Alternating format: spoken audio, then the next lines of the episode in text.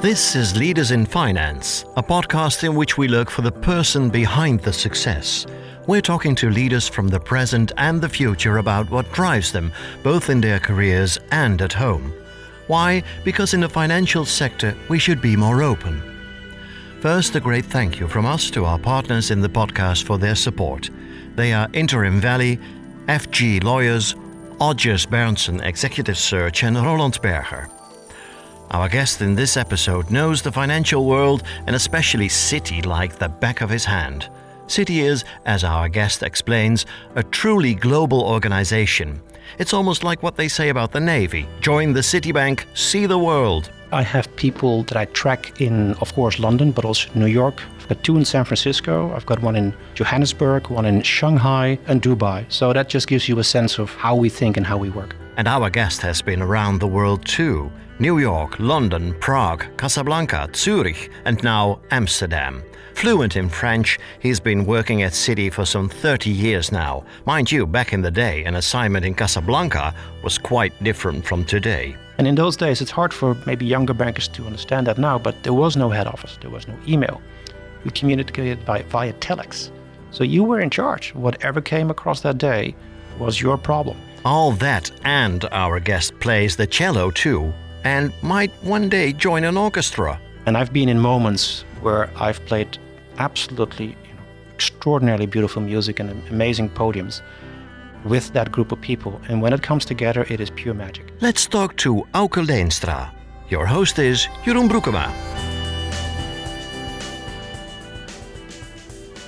Welcome to a new episode of Leaders in Finance. This week we are in Amsterdam at the Dutch Banking Association offices with Auke Leenstra, the country officer Netherlands and Benelux at Citi. Welcome, Auke. Thank you. Thanks for taking the time to, uh, Happy to, to be to here. Wonderful. Um, as a good tradition, we'll start to spell uh, our guest's name. That's Auke, A U K E, and Leenstra is L E E N S T R A.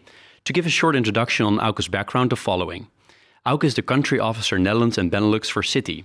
Also, he's the head of banking for Citi's European Bank. His career has been at Citi for the last 28 years with eight postings in six countries, from New York to London to Prague, Casablanca, and Zurich. The last 10 years he has been in Amsterdam. Next to his job, he's chairman of the FBA, the Foreign Bankers Association, also, he's on the board of the Dutch Bankers Association and on the board of Fonds 1818, Fund 1818, in The Hague, a philanthropic endowment. Auke studied political science at the VU University in Amsterdam and did another master's degree in international relations at Columbia University in New York. Auke is 53 years old, married to a French wife, and has two children. That gives a little bit of an overview. That's me. That's you. Wonderful. Um, I would like to start, Auke, maybe to, um, if you could take us a little bit uh, more into uh, Citi and explain a little bit more uh, about Citi um, Global as well as Citi uh, Benelux Netherlands. Good, happy to. So I'll probably indeed start global, then Europe, and then Netherlands. Uh, Citi is uh, the one and only global bank. And when I say global, I really mean global. Close to 100 countries, 200,000 people. And in most of those countries, from Russia to the Philippines or Australia, we will have been 50 to 100 years, including, and now bring it indeed to, uh, to, uh, to Europe. Um, we are actually the most European bank there is, as in we're open, uh, up and running in 22 countries in Europe. We've got about 11,000 people in Europe, uh, again, excluding the UK. In, in the past, before Brexit, we would put them together. Today, it really is, uh, is indeed separate. Um, and we have deep, deep, deep client relationships. So, uh, Luxembourg, 50 years uh, in my own world. I just came back from Brussels, where, to illustrate it, uh, somebody's been working there for 35 years. The, the, bank has been open since 1919. And in the Netherlands, indeed, 1964, uh, uh, schoenmaker blijft bij stay what you're good at, um, uh, as in we always deal pretty much with the same clients. So the largest global clients, global investors, global uh, corporates, uh, the governments, and uh, we don't seek the publicity. We think we've earned our we've earned our credentials. Indeed, the numbers are staggering. So, on a daily basis, four trillion dollars will go through our pipes. And in Europe, uh, slightly more technical, we are the second biggest clearer of euros. would surprise you. You would think that you know, European banks, if you will, would have that position, but uh, it just gives you a sense of our uh, indeed size and scale. And indeed, uh, it is global in, in, our thinking as well. It is uh, our leadership is international, and it, um, although our parent sits in the in the U.S., indeed, it uh, it feels very international. That Citi. That's a great introduction.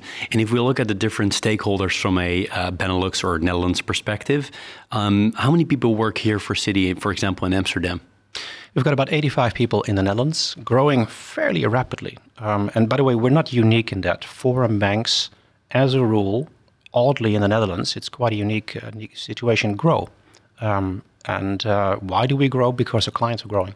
Uh, so the uh, they're in their position, they're global and growing globally. They're, uh, they need our help. They need our help globally, be it in uh, be it in emerging markets, be it nearby. We seem to be doing more things right and wrong, so our position with those clients grows, and indeed it is deeply institutional relationships. I had the pleasure in 2005 to celebrate 100 years relationship in Zurich with Nestle. 100 years. That was in 2005. Not that unique a few days ago, bankers from the UK came to me saying, "Oh, I've got this other client. We're going to celebrate 100 years. How do you do that? You know, how how what is the best way to do it?" That's how we think. That is the longevity of our relationships. Um, in this country, in the Netherlands, indeed, it's quite an international and uh, growing uh, group of people. 25 nationalities, a lot of young people around. English is the main language. There's a lot of Dutch as well. I will say that those bankers who cover, let's say, think of a large multinational or a large pension fund and you can uh, you can fill it in. Those tend to be Dutchies. And they tend to be here a little bit longer, or they are indeed what I call uh, what is known within Citi as the the Flying Dutchmen or the Flying Dutch women. So they join in Citi in Amsterdam, and then it's like the Navy. You know, join the Navy, see the world. They uh, they literally fly out and they come back um, like the prodigal son or daughter I think today I have people that I track in, of course, London, but also New York. I've got two in San Francisco. I've got one in Johannesburg, one in Shanghai. Um, there was one in Hong Kong who just came back, um, and that's in Dubai. So that just gives you a sense of how we think and how we work. So very much focused on the long term. And if you look at yourself, you're uh, almost 30 years with Citi. What do you think uh, are the main drivers that people stay for such a long time with uh, with the Citi group or bank or whatever it, entity it is? It's a question that comes up a lot. It, it really is. And I don't have an easy answer to it. It does mean that if you join Citi, there's something that connects you to it and you, you, you apparently fit. We are quite a unique organization. I think the other way around, as a bank, we are uh, a bank that's pretty high in empathy. So we really care. We're a caring organization, potentially more than other banks, um, which maybe explains indeed why people do you know, want to stay. I earlier this week introduced the country head in Belgium to our local team, and indeed he was astounded to see how long people stay within the bank. It is basically practice. Yes. Yeah. And um, from a client's perspective, um, what is um, what, what is the? I mean, what are the specifics of a client of a Citi here in in the Benelux? Size, globality. Um, and as a rule, that also means you probably are the top three player in your industry. So take any industry, oil and gas, uh, consumer goods, uh, chemicals, take the top three players and they'll be our clients. That's the first thing. Um, and indeed, they need to value the globality of what we, what we offer. At the same time, they also need to think uh, longer term. And in the very end, that's almost a given, it's values and, and reputation. Uh, if you add them up, then you come to our client list. I will say we've probably been a bit too selective in who we've worked to for too long, as in the broad, the base needs to be broadened. We think there's a tremendous amount of companies that benefit from our services, but our our starting criteria was simply very high, and that's good because it's where we're adding most value. But over the long term, we think we can add value to medium-sized companies. And when I say medium-sized, think of half a billion to two billion or so.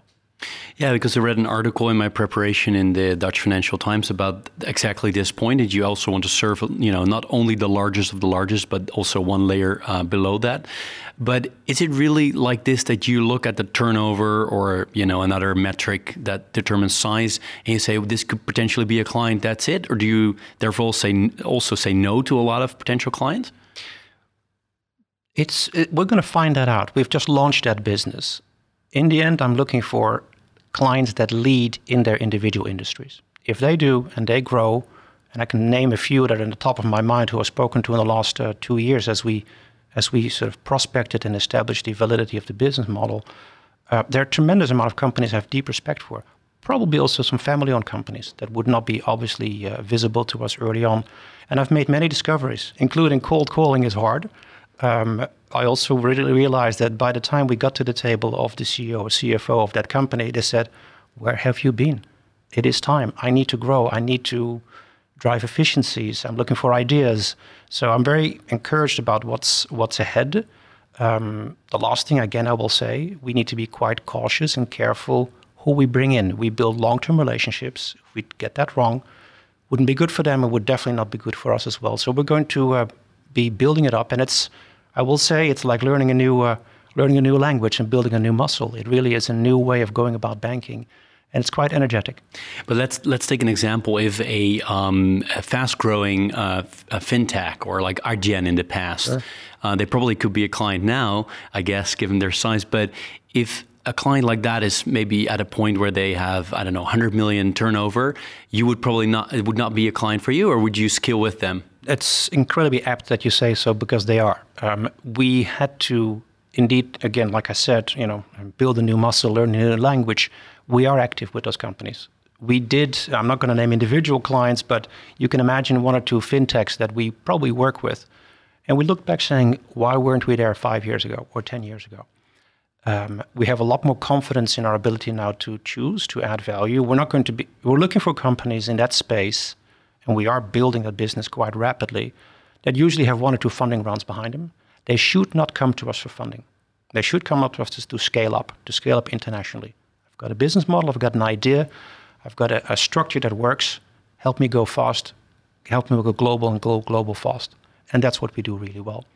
Um, at the same time, growing companies, selling in businesses, uh, raising new funds. That's the next leg that will uh, that will be developing. But um, again, it's quite energizing to get into that client segment. It's some it's a new skill that we need to learn, but we see we add value. People come to us saying again, "Where have you been?" And um, in some countries, you're also large at completely different areas in banking. Let's say retail in the U.S. Sure. Um, is that has that always been a, a, very clear strategy to not do that in the Netherlands, for example? Yes. Um, so when we do retail around the world, and I'd say do, but I actually maybe should say did because we um, we've announced the sale of many of our businesses, particularly in Asia.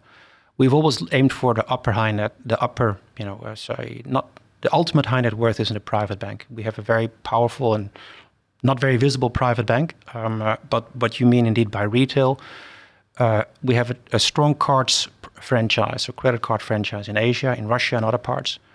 But we realized that the connectivity between those countries. So if we have a, you know, a retail bank in Indonesia and one in um, pick up, you know, again Russia, what is the connectivity? And it wasn't so much there it is an you know it's an attractive piece of the, the, the world. It's there's a lot of money indeed flowing into the um, into the uh, the upper uh, middle class, um, which is where we were active.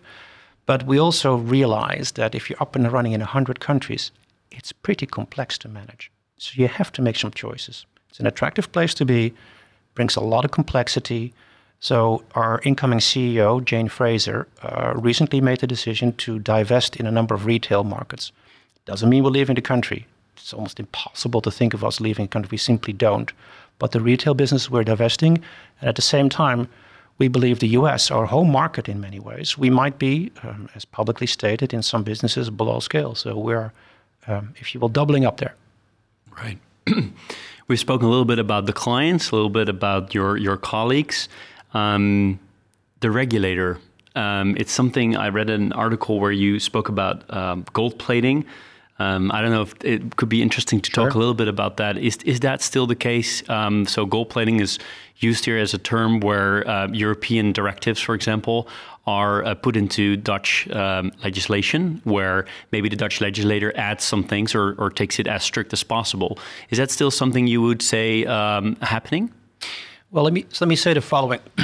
I think the Dutch. When I have to explain the Dutch to people outside of Holland, I usually talk about the two sides to our DNA. There is the the, uh, the, the minister, the wagging finger, thou shalt not.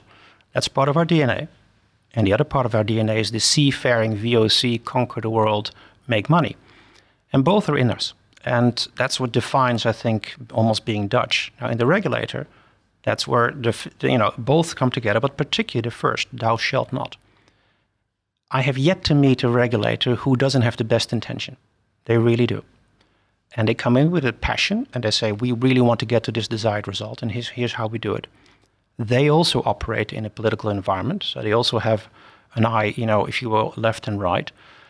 Um, and the, the, the, what you then have a result, know, the Dutch regulator will do that, the French regulator will do that, and the Italian regulator will do that. And what you then have is a patchwork of well intended, slightly different, almost uh, always different in every single country. So again, we're 22 countries. We need to apply a single, called an AML regulation. Um, what you really want as a European regulator is a data lake which is uniform that you can you can mine and that you can get the best results out of. Instead, what you get is local data pools um, and that are just a little bit differently. So for us, and I know I speak for myself, but also for my my colleagues uh, and competitors at foreign banks, we do sometimes suffer from the uh, the different application of rules. Again, with the best intentions. And the word gold plating has, has double meaning. Again, I think people do want to get the best desired result, but just it doesn't really, it's not effective. It doesn't really lead to the desired result. And that's a discussion we have. And I think um, we're getting in a better place. There is, for instance, a new Euro, uh, regulator coming on the European field in AML, and that is a welcome development. We've asked for it, to be frank, for years, and now here it is. So we see the European banking project finally coming together almost coming together. And that's good because clients operate internationally, banks operate internationally, and um, that's the that's the that's the that's the direction of travel.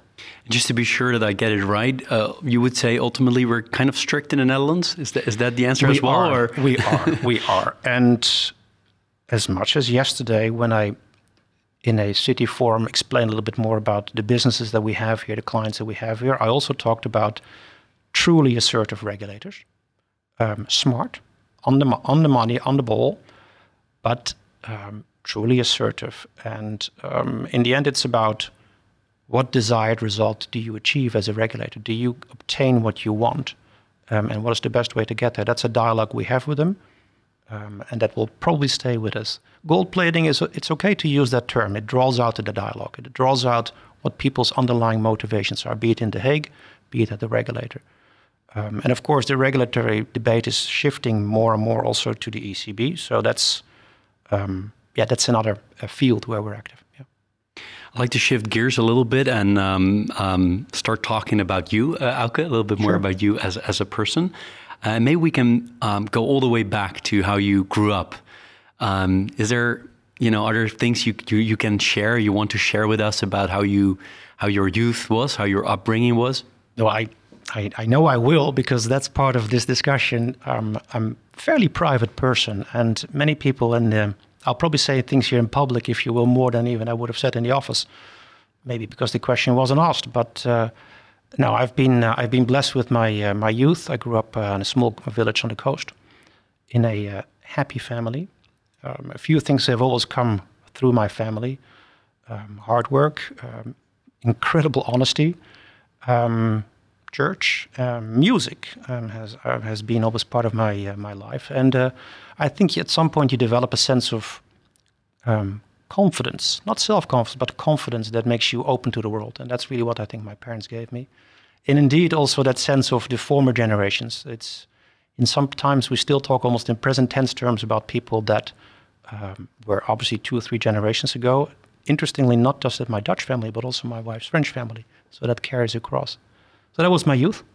And was your um, your youth was it um, always like this, as you said, hard work and honesty, um, these values, or was there also um, a, a, time for leisure, or was it always focus, or was it competitive? Like, what kind of feelings do we? Well, do, do with hindsight, get? my parents were traveling quite a lot, and I thought it was completely normal. With hindsight, I realized that it was not normal. So we've been to Romania in the mid '80s, or in completely different country. So I, you know, getting on a plane, discovering something new, was feels incredibly natural to me. Was that uh, work or was it for that was, tourism? That was, that was, all tourism. Tourism, wow. Um, uh, and indeed, it's just, you know, it just my eyes opened up that whole actually interest in East Central Europe.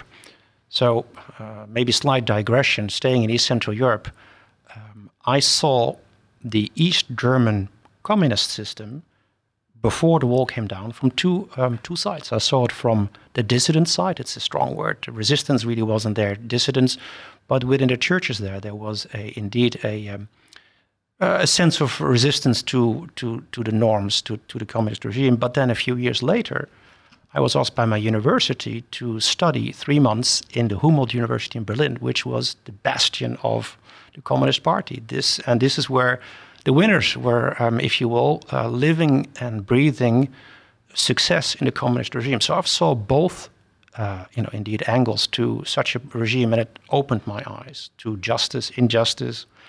It's with hindsight, it was quite a formative moment to live, you know, behind the German, you know, the East, uh, behind the, the iron wall, the, the, wall, and to see how people deal with, um, indeed, justice and injustice. And if I'm pushing the boundaries too far, we just uh, edit this and take it out. But are you willing to share what your um, your parents did for work? Sure. Um, my mother is a, is a doctor, and since then, I've been uh, lots of doctors around. Just about one side of my family is nothing but doctors. My father describes himself as a futurologist, which uh, a sociologist by training, and um, thinking very, very, very far away, which uh, is something that I, on a good day, recognize in myself. It is just, uh, it's nice to look at what's way beyond the horizon. And um, he's a very observant man. He writes extremely well. He's written books. He's written, you know, another one uh, very recently. So writing well, observing well, and having an opinion. Um, yeah, that's that's something I grew up with. Oh wow, that's very interesting. And then um, you went to study uh, political science, right? Correct. Uh, do you remember why you chose that? No idea. It just and I, the other day I'd ask my parents, "Do you remember?" How, they didn't really. Actually, they did say it didn't look like a great career move, but you know they just let me go with it, and uh, I had no idea. I had four brilliant years. Um, political science in Amsterdam wasn't overly demanding. Gave me lots of time for music, so I spent four years in an orchestra and living in a house full of musicians. And I have nothing but great memories. I must have learned things.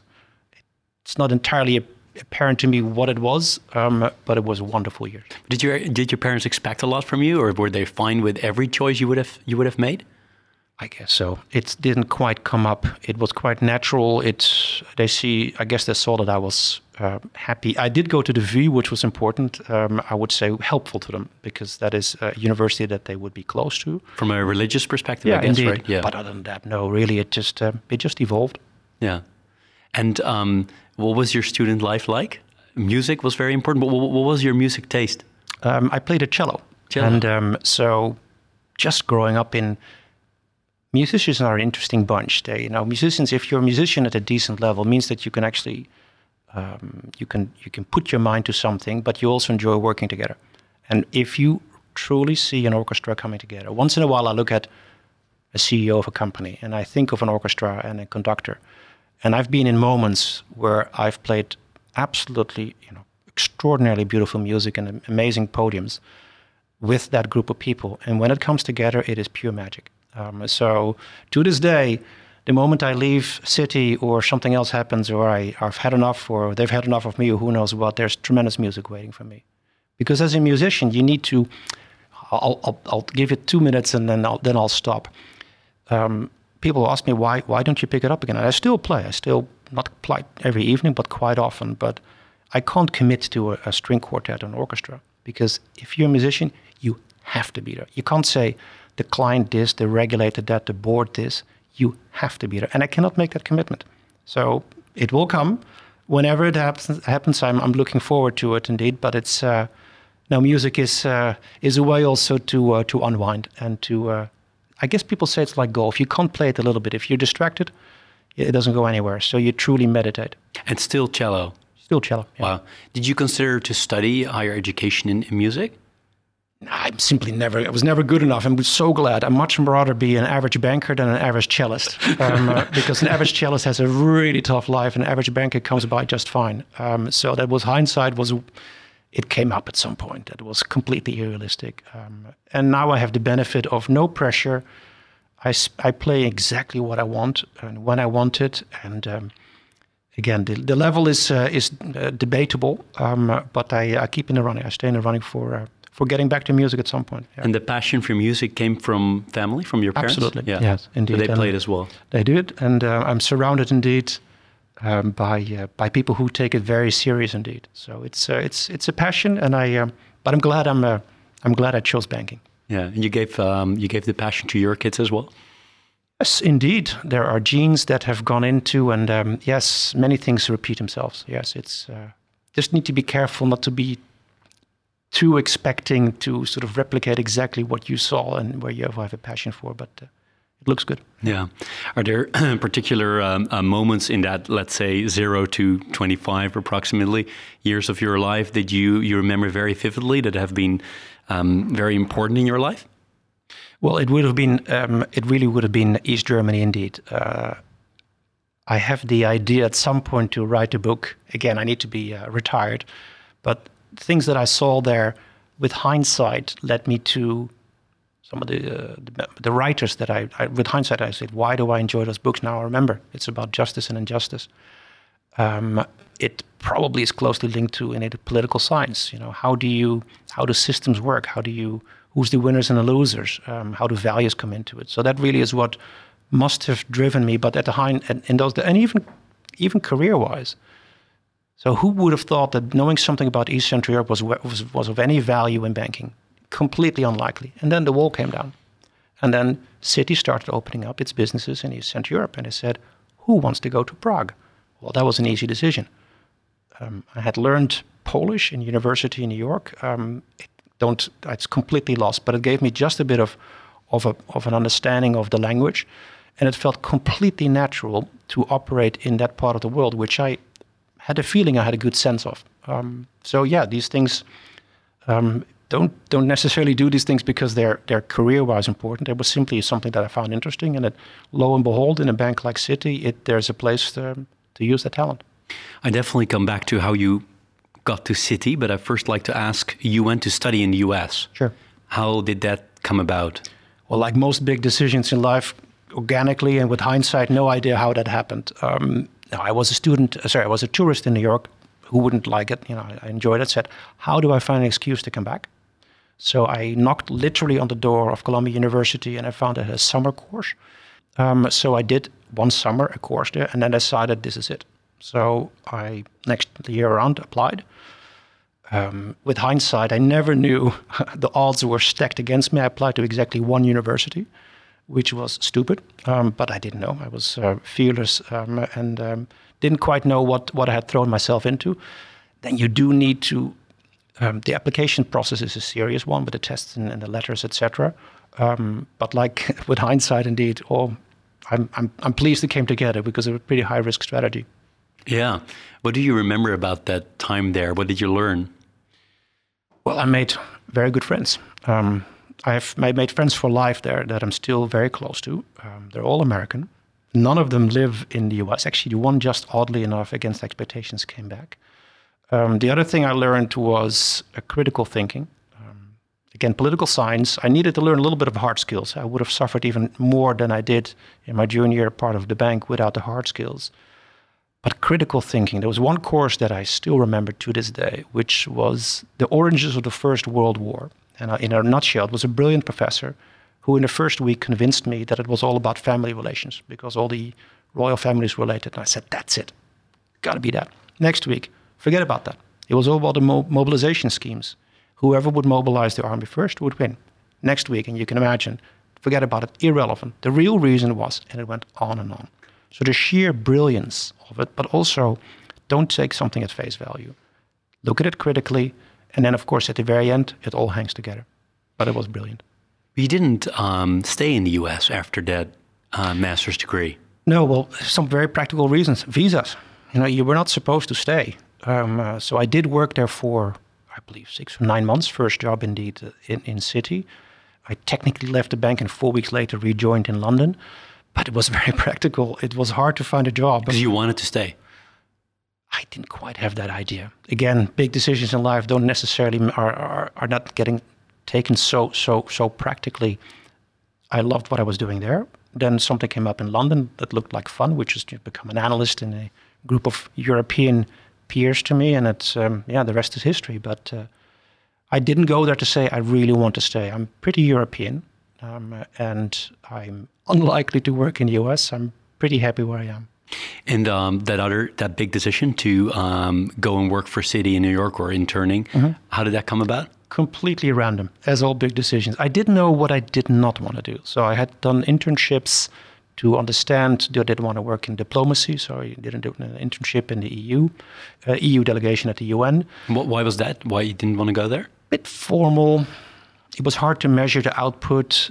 Uh, it was more about hierarchy, and it was it was hard for me to get my mind around that. The second one was in a political think tank, which I thought was fascinating. But again, the output was more who said it rather than what you said. Um, so no, no surprise, the politics uh, mattered.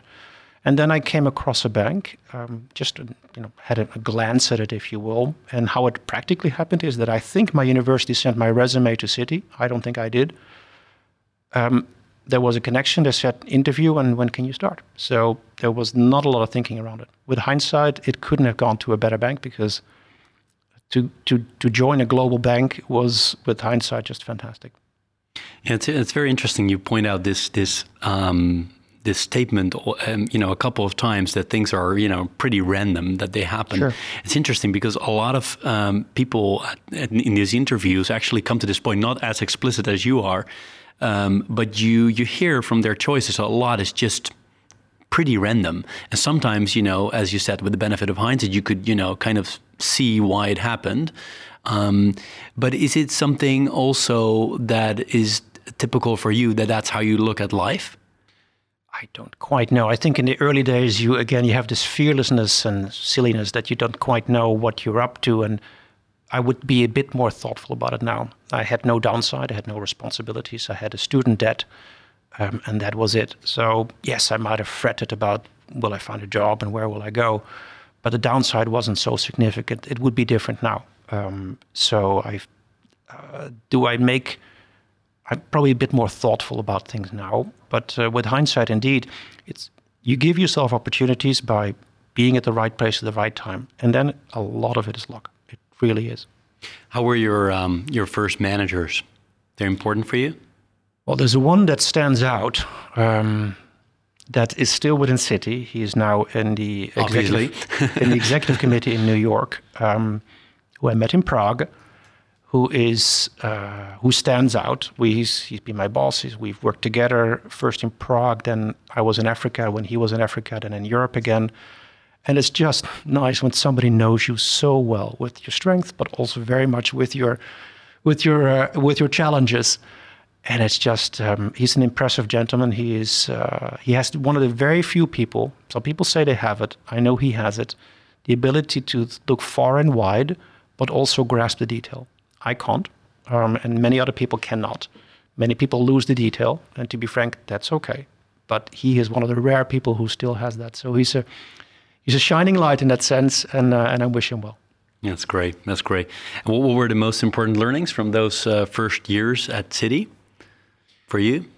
Well, just again, it sounds crazy, but just go with the flow. See what you what what opportunities you run into. When I first ended up in Prague, indeed, it was about helping the business grow, put some structure to it, put a strategy out for them, um, uh, and start research, writing research. And then in every job that I got, be it back in London, emerging market strategy, and then in Casablanca, you know, it's the reason why I went to Casablanca is probably because I was the only person speaking French. I was horribly underqualified. Because of your wife, or exactly. Yeah.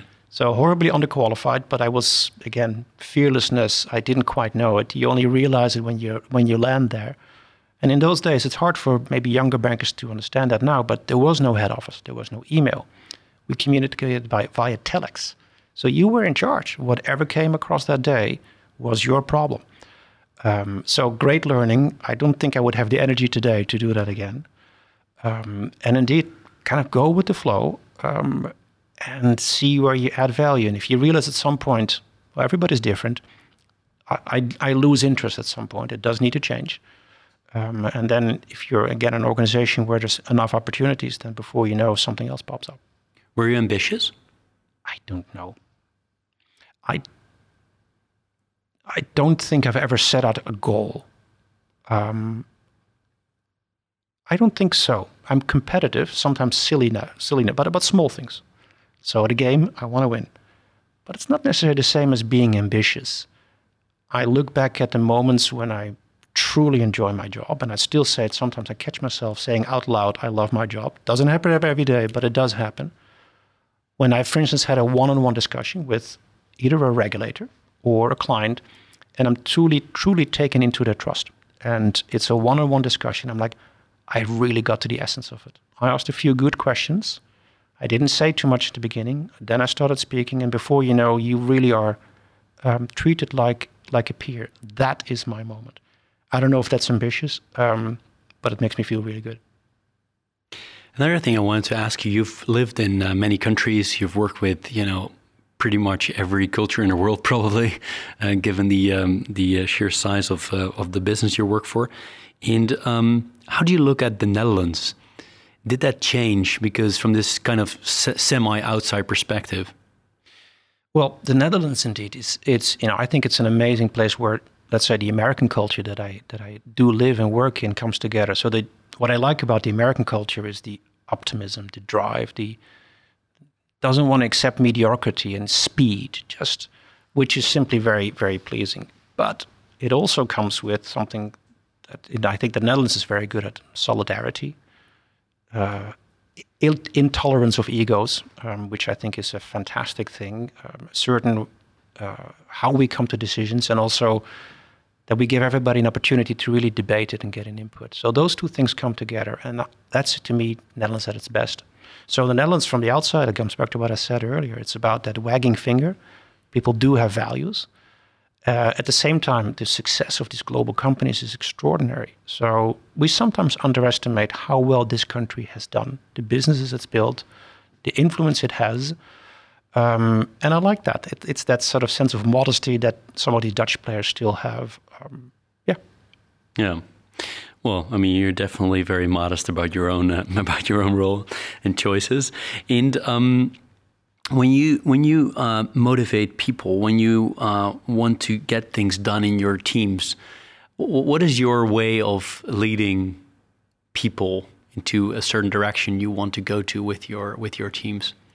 Well, maybe before I go there, maybe just you know, management philosophy is a big word, but whenever you have a, um, something you want to get done, um, in the end, if I look back, what I've done is I try to surround myself with good people I try to make sure that they work well together. And I do indeed give them a sense of here's where we're going. And if those three, it sounds really simple, but it's incredibly hard work, particularly in getting the, the best people. You're competing for the best talent. Many people have many opportunities, they have ambitions, they have ideas. Um, and just making them sort of getting the right people and keeping them close. So I spend a lot of time talking to them. Um, they are all self starters, they're highly professional. But still, just getting a sense of what's in their mind. Um, and then, not with all, it doesn't always work with everybody. I need to be very clear. But most people, you establish a sense of what, what they stand for, what they want. Then there's a level of trust. And then you let them indeed, where you have to uh, try to make them work better together. And in the end, a little bit of excitement. So, right now, for instance, sustain- sustainability. I've been, I think, organically grown into somebody who leads our, some of our thinking around how to drive sustainability in a European business model and how to work with clients. Now, it's obvious to get excited about that. It's not hard to get people excited, but we have such you know, fundamental questions, and there's so many basic things we still need to um, get our minds around. That it's just liberating people's thinking. How about this? How about that? So, asking short, open-ended questions always leads you to the real matter. Don't tell too much. Just asking questions, and then indeed, in the end, um, if you put two or three good people together in a room, you're always going to find some solution. So it sounds like easy. It is a lot of hard work to keep to get and keep the best people. We're still upgrading our bench every time we can. That's the American side of, of my firm. Um, but when it's there, it's just I look at it and I can, uh, yeah, I smile.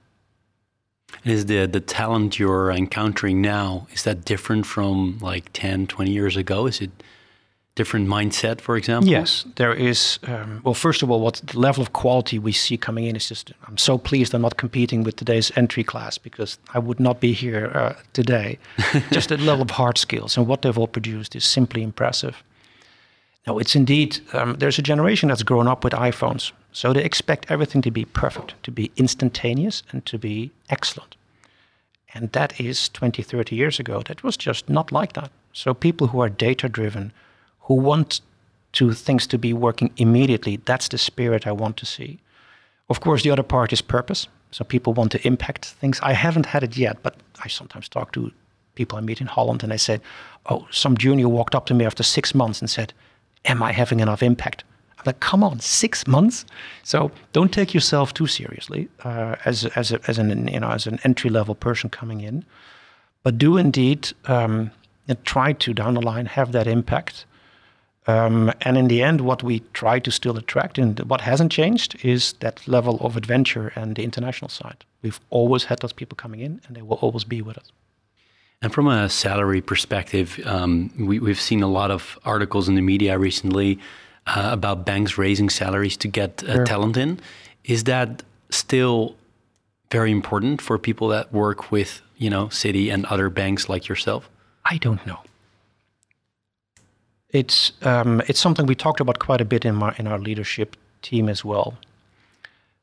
I don't think people join us for the money; they join us for the opportunities. And uh, people leave. What you know what they say: they don't leave a job; they leave a bad manager. Um, so I don't know what the truth is, is all that. I do think that banks still ask a lot, maybe too much from juniors. And I look around at my level uh, of seniority and I see people around me who are competent, professional, driven, and resilient, meaning you can pile it on and they will deliver. And that's not a good way of going about it. So I think the new generation rightfully looks for balance. That has changed. And I hope that they succeed. And within, you know, indeed, within change banking from within, the over reliance on resilience um, has been, I think, bit costly. Um, and I think the new generation will be will be more balanced, and um, they're already growing up in the ranks. I can see it happening. I saw it in COVID. The way people look after each other in COVID, uh, the empathy, the balance, um, that was a good sign. So I think the new generation is uh, is going to succeed. Well, that's very optimistic. That's good. Um, we always have a teaser and a pleaser with uh, with this podcast. For the on the teasing side, I've written the following down, and I'd love to hear your opinion about it. Um, American banks are better equipped and are better in understanding the global banking play, and will therefore therefore be always be more dominant than their European counterparts. Well, if I look at uh, dominance, and you're saying against the European counterpart, that has been there factually for the last few decades. If I'm being if I'm being truthful, there is uh, a thought of school that says that the U.S. home market is very attractive, which is an, a natural advantage. It is indeed unified and it is attractive. So I do believe that is a natural advantage. But what I will add to that is economies of scale. Once you have a certain size, you're top three in a product, you've invested in technology, you have the talent and the underground resource to be able to keep it up and running and to keep it in line with expectations of clients and regulators you become almost unbeatable. So it's hard to it's hard indeed to overcome that that advantage as long as you are local. Now, there's some American banks, and I'm looking maybe decades back. Uh, uh, not all the seniors had had passports, so they really looked at it from an American point of view. That only goes so far. A client in Malaysia or in or in France, they will see it, they will recognize it, and that doesn't build long-term um, sustainable relations. So you need to be truly local and have an international management team, which we surely have. So if you bring those two together, you have a, I think, a, yeah, pretty much unbeatable moat of your defense, if you will, of uh, of your business model. I can't speak for all American banks. I will say the facts seem to suggest indeed that American banks have a strong position, but I can only say to the European banks, and I'm making that point wherever I go, complete capital markets union, complete banking union. You have a truly unified European banking uh, market, and then you have that pretty much that same level playing field that from which American banks maybe potentially benefit, and then um, all bets are off. two, two follow ups on this. Like, first, um, I spoke for this series also with the uh, former uh, president of the Dutch Central Bank, Nout Wellink, and he is on the board of the, I think, the largest bank or one of the largest banks in the world, the Chinese, Chinese bank. And I don't quote me on the exact number, but hundreds of millions of clients, I think 500 million plus or something. Sure. Um, if it is purely size, then they will they will also on in banking they will take over then globally. Well, not quite. Um, size is um, indeed 500 million clients in China. How does that travel when you meet and sit in front of a French client and you want to convince them to start? As a, as a home market, as you as said in the market. US, yeah.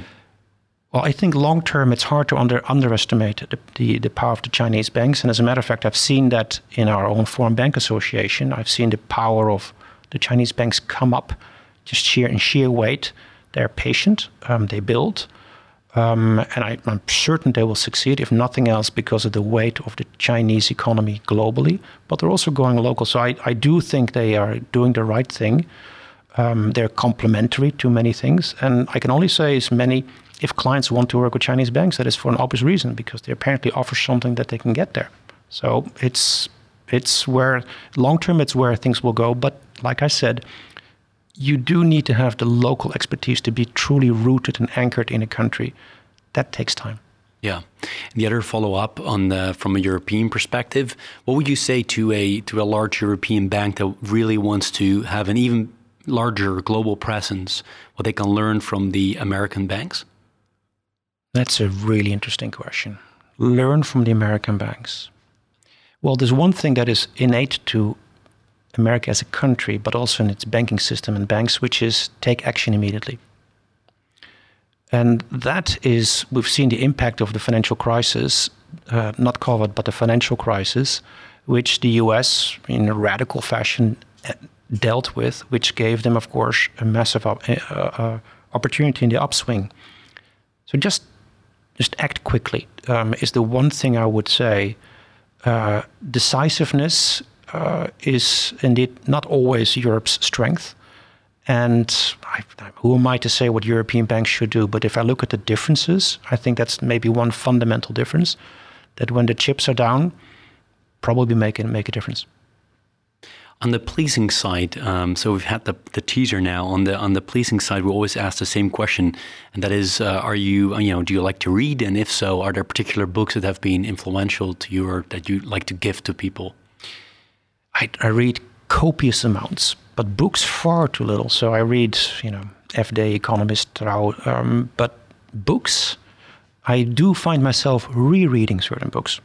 And they are pretty much by Olba Solzhenitsyn, who wrote from, um, and I think you have a, a Russian literature knack, um, uh, but uh, who wrote about uh, basically Soviet Union in the 30s, 40s, and 50s. And I just I, now with hindsight, I realize why that triggered me because I've seen it myself. How do you operate human frailty in such a system? And of course, the beauty of the language. Um, but the book I give to people, to juniors, I have stopped doing it because I don't deal with juniors in the media, and there's almost too many of them. Is a book that was famous in the 90s, um, in the city particularly. It's a Liar's Poker by Michael Lewis. And it still makes me laugh literally out loud. It is basically about a young bond trader that uh, goes into the entry class during the crazy days of 80s banking with all the excesses, everything you do not want to see in banking. So, egos, money, bullies, lack of client uh, value, all of these things. But it was a fascinating time. Again, the way he describes, both as an insider but also as an outsider, how, syst- how, how this bank developed and how their banking developed, I think is just hilarious. But I've given it to juniors to say, you need to know this this is how not to do it. Um, uh, and at the same time, I think you know people need to have read a book like that because it's uh, uh, it's it's a classic. But I must admit, it's now you know I'm coming up to 30 years. I think people don't know that book anymore. But uh, maybe you do. I don't know. But it's uh, it's it, has, it has been mentioned a couple of times during the Liar's series. Poker. So. Pick it up. Yeah. So you spoke about uh, juniors, and um, what uh, tips would you um, give them, people that start in financial services today, um, or in their first few years? What would you say? Would you recommend? You know, there's not one single answer, but I get that question from juniors that at some point introduce themselves to me, and, and I and I say, "Do you have any tips?" And I do say, um, I remember hearing myself say the other day, two things ask good questions and keep asking questions because that's for the long run. If you keep asking good questions, you will change the bank. You will you will this first of all perform better yourself, but you can really make a difference. And in the end, really simple, keep your promises. Just do what you need to do and do it well. Because whatever you do makes a difference to somewhere down the line how we deliver for a client, the level of you know, service, the quality, the excellence we do. So just keep your promises. Sounds simple, but it's pretty hard work. I will do this analysis. I will do it by tomorrow. I will do it by this time. I will deliver this report. I will just do it and keep your promises. But in the end, down the line, developing yourself, developing, changing the bank from within is asking good questions because that's how you change banking. Is it easy for you, with all your experience, to see who's going to do well within the bank after you've met them only maybe an hour? Oh, yes. I still remember uh, interviewing one or two people. There's one person who I said, I'll probably end up working for her uh, down the line. Uh, it's yeah, the interview does bring out a lot. There's one question I always ask. So if I give it away now, then any future interviewers, interviewees will know it. But when you're coming to the end of an interview and people feel the tension ebbing away and they've done okay, and then I do ask them, generally speaking, so Johnny or Jane, um, we've talked for a while. The odds are, you know, f- statistically one in three or four that we take that we make an offer to you because simply there's three, four other people, two or three other people. If we end up not giving you the job, so you're going to get a call a week from now that you would not get it hypothetically. What do you think motivated us? What, what was the issue that you think in the back of your mind you've listened to us talk that could have triggered us? And then how people answer that question is very telling. Um, That's a great in, question. Oh, it's you get an extraordinary do, do answers. Any insight on what kind of answers you get? Well, many of the what the ones I don't like a lot is, um, well, it's because well, smart answer. You have very, it's a great job, great company, so you must get very qualified people. Yeah, I know that. but sometimes not very creative. the best answers are those that go to the core challenge that I have. So maybe I'm inconvinced about their studies or, or whatever it is that they bring to the table, and they are able to put my mind at ease about it. But the most powerful answer was once when somebody didn't say anything for about 30 seconds. So she totally took control of the meeting by doing that. And I said, if you are able to do that in a meeting, you're going to go far. So yes, it's it's one thing, but in the end, what do I see um, in people more generally? A certain fearlessness, um, a desire to uh, to work hard, a curiosity, so the people that I mentioned in those places, from San Francisco to, to Johannesburg, are those people that had that. They they I, as they walked in, I said, "Yep, this is going to be something," and uh, they will do well. I don't think I'll end up working for them anymore because I don't think I'll be in the firm that long. Um, but those are the people that are going to succeed within Citi. Wow. That's great. I hope you're not getting people now that you know are going to shut up for 30 seconds after you ask asking this question. Indeed, indeed, indeed. um, so, uh, just uh, working towards the end of this this interview, uh, I wanted to ask you how you have managed and how you still manage um, work life balance, especially because you've been living in a lot of places. Um, you guys have kids. you've been working hard, I'm sure, and you still do. So, how did you manage that? Well, mental and physical health. Physical health is a lot of it. To be frank, is again luck of the draw DNA. Um, I don't think I've ever. I can't remember ever taking a sick day in my in my career. Um, so you must strong, start with strong DNA. But in the end, uh, a few things that are really practical. Simply healthy eating. I I run a lot. I live in Scheveningen near the beach. So I, when I'm annoyed or need to empty my mind, I, I will run. Um, and then surround yourself with people that will not allow yourself to get bigger than who you are. So I've got these friends who will certainly know how to put me in my place. My family will the same thing. Um, and once you are surrounded by that, so mental health, uh, physical health, that said, I look back. There are indeed downsides to uh, to uh, yeah to to working too hard in too many days, and you have to make choices in the sense that the hours that I am at home in the evening, and particularly in the weekend, go to one thing and one thing only, which is my family and a little bit of running and a little bit of cello, but that's it. So a lot of things fall by the wayside. Like I said, music, it will come again, but not for the next five or 10 years, it will come again. And then you need to catch yourself when you go too far. Um, and there are moments like that. Um, and then you hope if you look back uh, sometime from now and you, you, you make up the balance of, of, of, wins and losses, there will be losses. Things will not have gone uh, perfectly, but at the same time, you hope you've also created opportunities And then, um, yeah, and you hope in the end, you hope it, it all balances out. And physically, you said you go out and run. There is, Sure. is that your main physical activity? That's the best one because it's so simple to do. You put your shoes on and you're out. Um, so I don't have the ability to dedicate um, time to go to um, to play golf. It just takes too much time or things like that. Uh, so tennis will come again one day. It's too complicated for now. Just run. And indeed, is um, I catch myself um, making presentations in my mind, thinking of a knotty problem to solve, preparing a discussion with somebody, um, and it's just also very, very enjoyable. And looking ahead a little bit, um, you mentioned a couple of times you, may not work another 20 years uh, with uh, with Citi. Um, is there something you would love to do uh, from a professional perspective? Um, you are already doing a lot of things next to your job. For example, at the FBA or here at Sure. the Dutch Banking Association. Are there particular things in your career you, you would love to do in the future?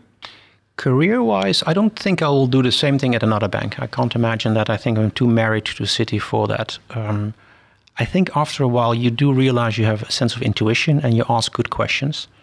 Um, at the board of Fonds, Fonds 1818, I've, I've learned to see how how good decisions get made, for instance, about how to appoint uh, a new a new director.